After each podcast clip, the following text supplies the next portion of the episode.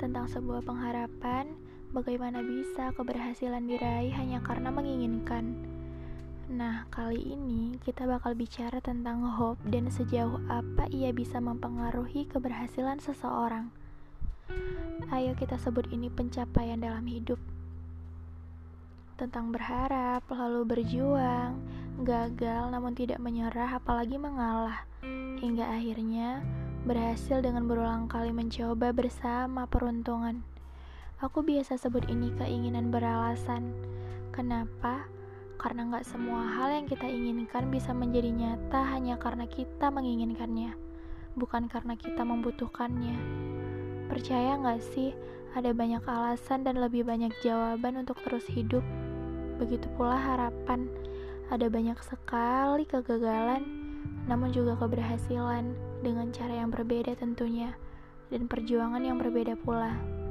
Topik kali ini di request oleh seorang teman yang bertanya tentang bagaimana bisa mendapatkan sesuatu yang kita inginkan dan mengapa terus saja gagal meski sudah berusaha dan memberikan kemampuan semaksimal mungkin. Dariku, kita emang punya banyak cara untuk gapai apa pun yang kita mau, tapi nggak menutup kemungkinan akan ada kegagalan, dan itu bisa aja menjadi penghambat atau bahkan pelecut agar kita lebih semangat menggapai apa pun yang kita mau. Kamu tipe yang mana? Mencoba lagi kah atau hanya cukup sampai di sini?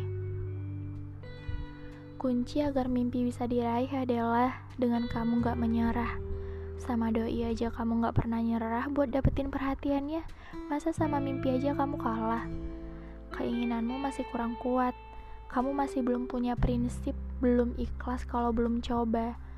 So, lihat, kamu jadi yang paling mudah putus asa dan menutup diri dengan alasan-alasan klasik sebagai alibi bahwa ini bukanlah salahmu dan kamu akan baik-baik saja meski harus mengubur mimpi-mimpi itu.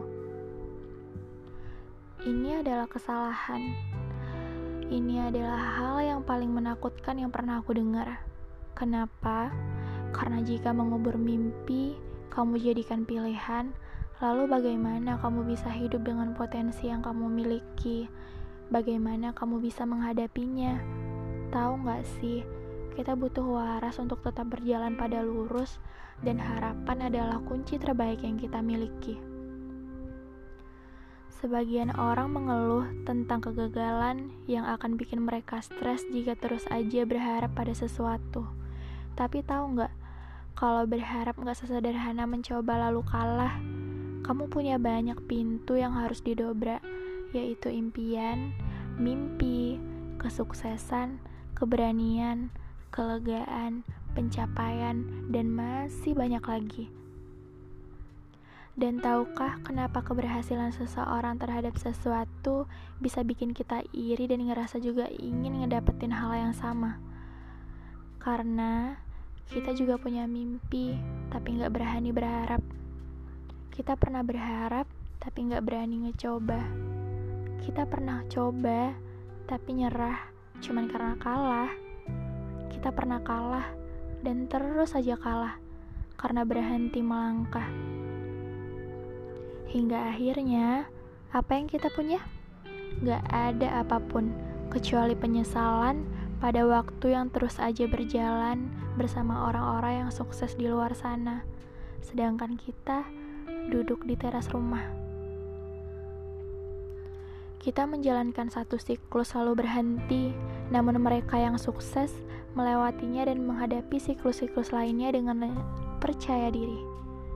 Kita bukan yang gak bisa, cuma gak kasih kepercayaan aja buat potensi yang kita miliki. Kita bukan yang gak punya kesempatan kok, cuma mereka yang sukses selalu saja mencarinya, sedangkan kita, kita enggak.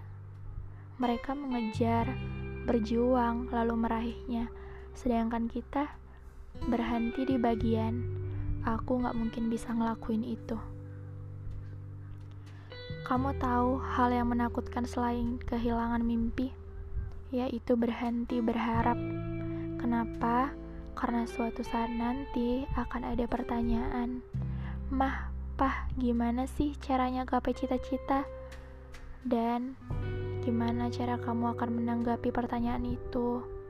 Gimana kamu akan menyikapinya? Aku percaya kamu punya banyak sekali hal yang baik. Tetap cintai dirimu ya, dan percaya padanya.